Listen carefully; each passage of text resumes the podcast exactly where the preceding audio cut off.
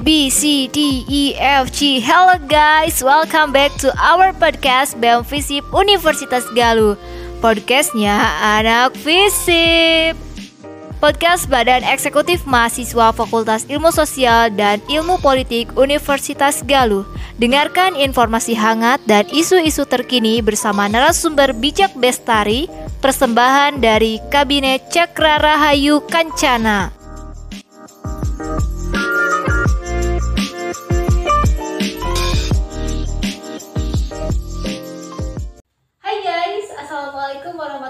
wabarakatuh.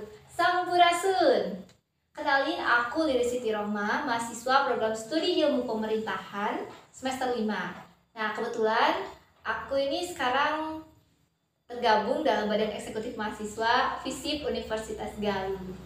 Oke sebelumnya aku mau kasih tau nih buat kalian Jadi ini tuh merupakan podcast episode pertama.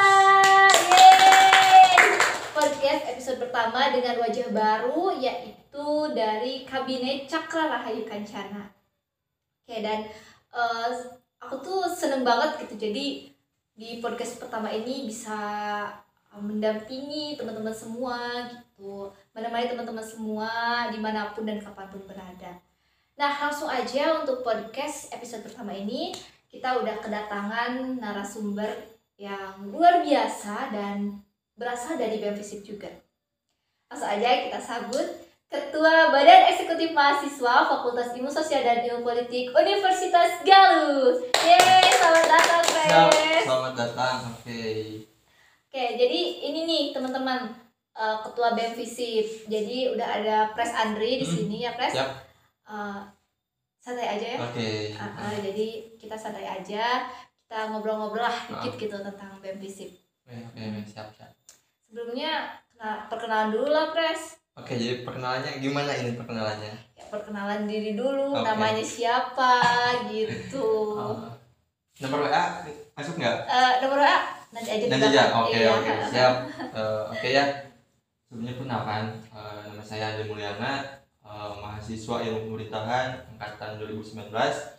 Alhamdulillah saya eh, bersentar kan saya liris berproses di Badan Eksekutif Mahasiswa Fakultas Sosial dan Ilmu Politik dan alhamdulillah dimandatkan juga eh, sebagai mandataris eh, ketua BEM FISIP Universitas Galuh. Oke, jadi eh, sebenarnya Pres Andri ini temen aku guys. Jadi kita itu satu kelas Ah. dan aku kenal eh, Pres itu sejak 2019 ya. Hmm, pas awal masuk. Ah, ah, pas awal masuk. Nah, dan kebetulan kita juga satu organisasi juga Hmm. dulu himpunan. Dan sekarang ya memang Lanjut lagi. lanjut Tidak. lagi gitu, ketemu lagi, ketemu terus nih sama Pres Andri. Eh, Pres, aku kan lihat kamu tuh suka ikut organisasi kan Ah, gitu, ikut organisasi, terus akademisi juga kan sebagai Alhamdulillah. AA mahasiswa, mahasiswa aktif kan gitu. Nah, emang suka organisasi dari sejak kapan sih? Jadi Sejak kapan ya? Sejak TK, gak mungkin sih, TK. TK gak ada organisasi. awal mula berkecimpung di organisasi eh, di apa ya di MTS kali MTS, ah di oke. MTS OSIS, OSIS ya? oke osis juga masuk OSIS, juga ah, ah, ah. ah. Terus?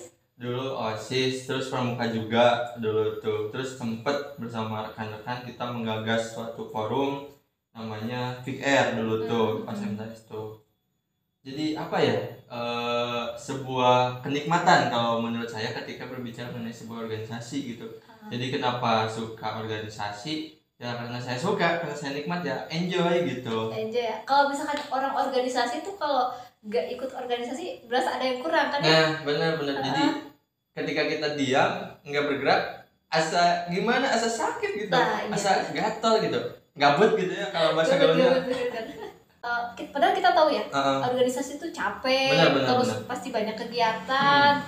eh, ngabisin waktu kita juga gitu, waktu Hmm. weekend dipakai rapat, dipakai kegiatan. Benar, Tapi kalau misalkan eh, nggak gitu tuh nggak asik gitu, Benar, benar. ya kan?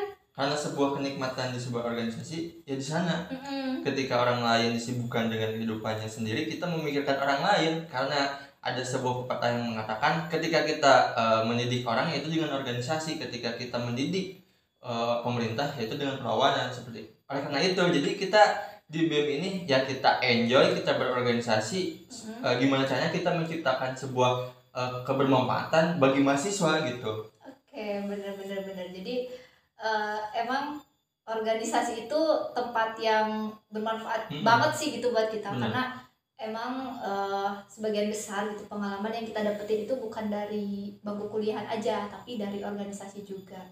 Ini nih kan Pres Andri tuh sibuk ya, bisa enggak bukan sibuk sih tapi aktif. Mm. aktif di organisasi di kuliah juga. Nah gimana sih cara bagi waktunya? cara bagi waktu ya? Heeh. sebenarnya itu kembali kepada diri kita sendiri. Kenapa? Karena yang tahu manajemen daripada waktu itu ya diri kita sendiri seperti itu. Karena ketika berbicara sibuk setiap orang pasti sibuk. Akan tapi yang membedakan yaitu dia bisa meluangkan atau tidak terkait daripada waktunya itu Oke, Mas Anda sendiri gimana bagi waktunya? saya ya yang terpenting antara eh, insan akademis dengan organisatoris itu balance jadi balance. saya tidak coba membeda-bedakan kedua-duanya karena kedua-duanya itu sangatlah penting bagi saya seperti itu karena ketika kita eh, apa namanya berbicara mengenai akademis kita tidak akan bisa eh, balance dengan organisatoris dan sebaliknya ketika kita berbicara mengenai organisatoris kita takut ketinggalan akademisi dan sebagainya karena kedua-duanya bukan merupakan sebuah pilihan ketika kita bisa menjalankan kedua-duanya kenapa tidak gitu Oke, jadi ketika kita bisa menjalankan kedua-duanya, kenapa tidak? Iya. Ya kan? Nah, ngomongin organisasi nih, kita lanjut ke Badan Eksekutif Mahasiswa. Oke, oke, nah. Nah, eh, pertama eh, kali Pres Andri itu kan sekarang jadi ketua BEM. Ah.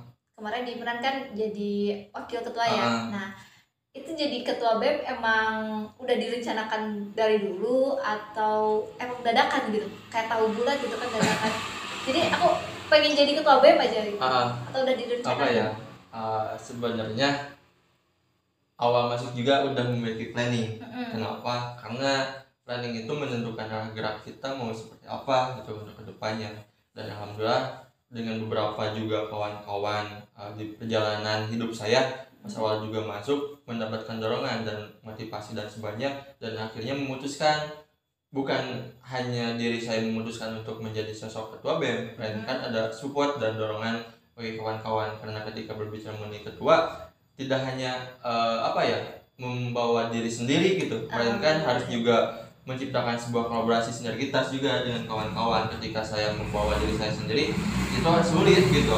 Iya iya benar. Jadi kan eh, saya taunya eh, Pres Andri ini bukan cuma di BEM gitu kan tapi juga aktif juga kan Hmm, di di organisasi lain gitu. Kemudian aktif juga eh, di di kampusnya juga aktif. Kan kemarin ikut eh, program kampus merdeka ya? Enggak bukan. Dulu saya sempat ikut itu transfer kredit. Oh iya iya Ah. benar-benar kredit itu. Itu eh, pertukaran sama teman-teman mahasiswa STI West Negros University Filipina. Keren. Pertukar aja. Dan pasti banyak banget pengalaman lah itu ya. Alhamdulillah. Hmm. oke.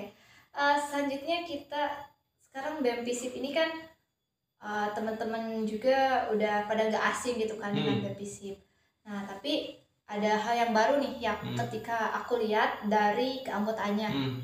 Dari keanggotaannya itu kan eh, pas kemarin pas Hmm. kemarin pas itu kan buka open recruitment itu buat semua mahasiswa. Hmm. nggak cuma mahasiswa yang dari himpunan aja. Hmm. karena kan dari tahun-tahun sebelumnya tuh ada ininya apa namanya? Step by step. Iya step by stepnya. Dari harus himpunan dulu baru masuk BEM gitu kan. Hmm. nah kalau sekarang kan pres itu membuka seluas-luasnya gitu Iya, benar, buat teman-teman yang mau. Itu alasannya kenapa sih pres pengen tahu? Sederhana sih. Eh, kenapa kita dari BEM membuka oprek sangat seluas-luasnya supaya kawan-kawan itu bisa berproses dan ber- dan berprogres karena eh, tidak menutup kemungkinan kawan-kawan yang nanti yang apa namanya yang tidak masuk himpunan tapi mau ikut berproses malah terhalang gitu Mm-mm. Nah, jadi sebelum juga masuk kita tidak sembarangan memilih orang gitu, tapi Iya. di sana ada memiliki uh, step by stepnya, ada seleksi dan sebagainya seperti itu. Jadi walaupun kawan-kawan uh, awalnya tidak masuk himpunan, tapi ikut uh, berproses sekarang di BEM, tapi secara apa namanya kualitas itu tidak jauh berbeda dengan Iya, kawan-kawan iya. yang Ah, ah, ah. sebelumnya ikut himpunan, tapi ya justru di sana nilai kehidmatan daripada sebuah uh, organisasi kita membuka seluas-luasnya seperti itu. oke benar. Jadi eh, yang sekarang itu emang benar-benar membuka seluas-luasnya Hmm, dan kita juga bisa kenal orang lain gitu ya. Nah, orang baru, benar, ah. bener kan? Orang baru dengan eh, ide-ide baru, Hmm. dengan kemampuan-kemampuan baru mereka. Nah, benar-benar benar. Nah, gitu. Karena yang saya rasa apa ya daya minat eh, mahasiswa terhadap organisasi kemahasiswaan itu sangat minim seperti itu. Iya, Oleh karena itu kita coba memberikan sebuah formula yang baru, memberikan sebuah apa namanya daya tarik terbaru gitu buat supaya kawan-kawan mahasiswa itu tertarik masuk organisasi kemahasiswaan. gitu. Nah, iya benar-benar gitu banget. Karena eh, sebenarnya BEM itu enggak enggak secapek yang orang-orang pikirkan Hmm, ya gitu kan orang-orang mandangnya tuh eh, ormawa ih no sih gitu anak-anak ormawa gitu kan Ah, ah, Eh, nggak mau masuk ormawa ah capek segala macem gitu padahal nggak gitu ah. enggak, kan enggak, enggak. enggak iya nah jadi teman-teman buat nanti nih teman-teman yang nonton misalkan masih tingkat satu tingkat dua kalian tuh jangan jangan takut gitu kalau misalkan masuk organisasi. Jangan minder juga ya kan? Jangan misalkan aku tuh nggak bisa apa-apa tapi aku pengen masuk organisasi gimana? Ya masuk aja gitu kan. Karena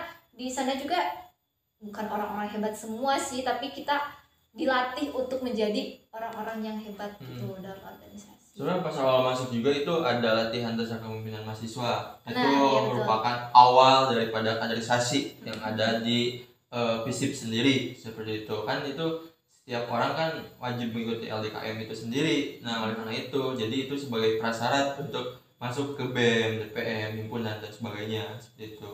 jadi teman-teman tuh harus ikut organisasi biar bisa merasakan juga gimana pengalamannya dan juga banyak banget sih manfaat di organisasi ini nah eh, berbicara tentang program kerja Pres Hmm. program kerja kan biasanya orang-orang mandang tuh eh, bem webinar deh webinar deh gitu kan kalau misalkan Ah, di bisip gitu kan nah Hmm. kalau kalau sekarang kira-kira program kerja unggulannya tuh apa aja sih Oke, untuk program kerja itu untuk unggulan saya coba menaruh itu di PC PC saya itu oke menciptakan sebuah eh, nalar intelektualitas. Kenapa?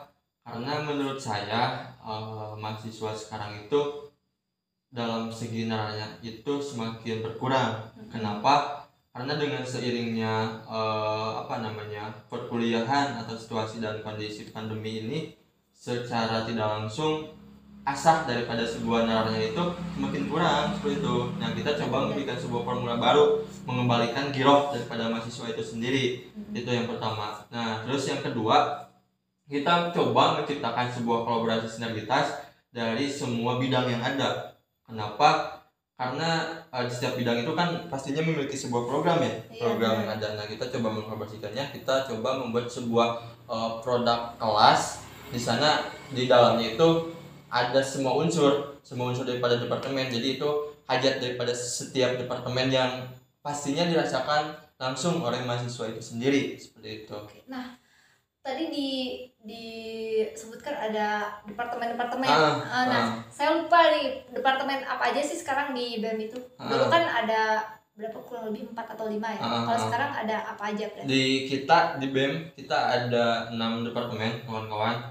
Nah yang pertama itu ada riset dan penelitian, terus juga ada adkesma, terus ada eh, relasi, terus juga ada kastrad, ada ekrab dan ada minat bakat seperti itu. Jadi ada enam komponen, enam variabel, enam departemen di BEM Visi Universitas Galuh. Oke, ada enam dan Hmm. kemarin tuh ada aku lihat ada beberapa program yang udah berjalan ya. Hmm, Dan berarti kita di BEM itu udah kurang lebih empat bulan. tiga, tiga, Tiga bulan. menuju Hmm, empat. hmm, Nah, tiga tiga menuju empat. Udah ada beberapa program kerja yang berjalan. Hmm, Eh, kemarin tuh aku lihat ada yang pertama launching kabinet ya. Iya benar-benar. Nah, launching kabinet terus ada produk ilmiah Hmm, dan kemarin tuh ada webin eh, bukan webinar sih, kayak diskusi ya, Iya, diskusi online. diskusi. Hmm. Nah, diskusi online. Nah, terus itu gimana nih respon dari teman-teman mahasiswa gitu lihat program-program kayaknya itu program program baru gitu Ah. program baru dan eh, semua mahasiswa juga dikasih tahu gitu Hmm, ini loh hmm. ada program ini gitu. Untuk respon sendiri, alhamdulillah apresiasi, eh, apresiasi tersendiri bagi kawan-kawan. Kenapa? Karena di sisi lain ketika kita berbicara mengenai program, kita juga eh, berbicara mengenai kebermanfaatan BEM itu sendiri. dan salah satunya kita menjawab daripada keresahan daripada mahasiswa yang kemarin juga yang uh, diskusi juga ya terkait Iya, daripada kekerasan seksual itu merupakan sebuah jawaban daripada keresahan setiap mahasiswa itu sendiri seperti itu. Oke, jadi BEM Visip itu sekarang hadir dengan uh, sangat pro gitu terhadap mahasiswa kami itu memberikan wadah gitu bagi mahasiswa ya. Benar benar. benar. Terus ngasih juga uh, ya tempat bagi mahasiswa untuk mendapatkan selain mendapatkan pengetahuan Nah, ya kan, siap. kita juga uh, bisa menyiapkan aspirasi. Nah, banget gitu. Oke, jadi apa lagi ya? Uh, Eh, ada yang mau disampaikan nggak? mungkin Sampai- apa ya disampaikan mungkin sedikit dari saya mah buat kawan-kawan eh, khususnya mahasiswa FISIP Universitas Galuh Mhm. kawan-kawan eh, marilah kita berproses dan berprogres dan marilah kita apa namanya mengimplementasikan daripada Tridharma perguruan tinggi itu sendiri pendidikan penelitian dan pengabdian dan salah satu daripada unsur eh, tiga variabel itu ada di Ormawa dan itu ada di BEM kawan-kawan yaitu salah satunya di Pondok Ilmiah. Nah, marilah kawan-kawan ikut berproses bersama kita di BEM FISIP Universitas Galuh seperti itu. Oke, teman-teman. Kayaknya podcast kita udah berakhir untuk Hmm. episode yang pertama. Nah, eh, makasih banget ya Pres siap. udah Hmm. Udah hadir di podcast episode pertama kali ini dan nanti kita akan ketemu lagi di episode-episode berikutnya. Untuk episode kali ini cukup sekian. Terima kasih. Assalamualaikum warahmatullahi wabarakatuh.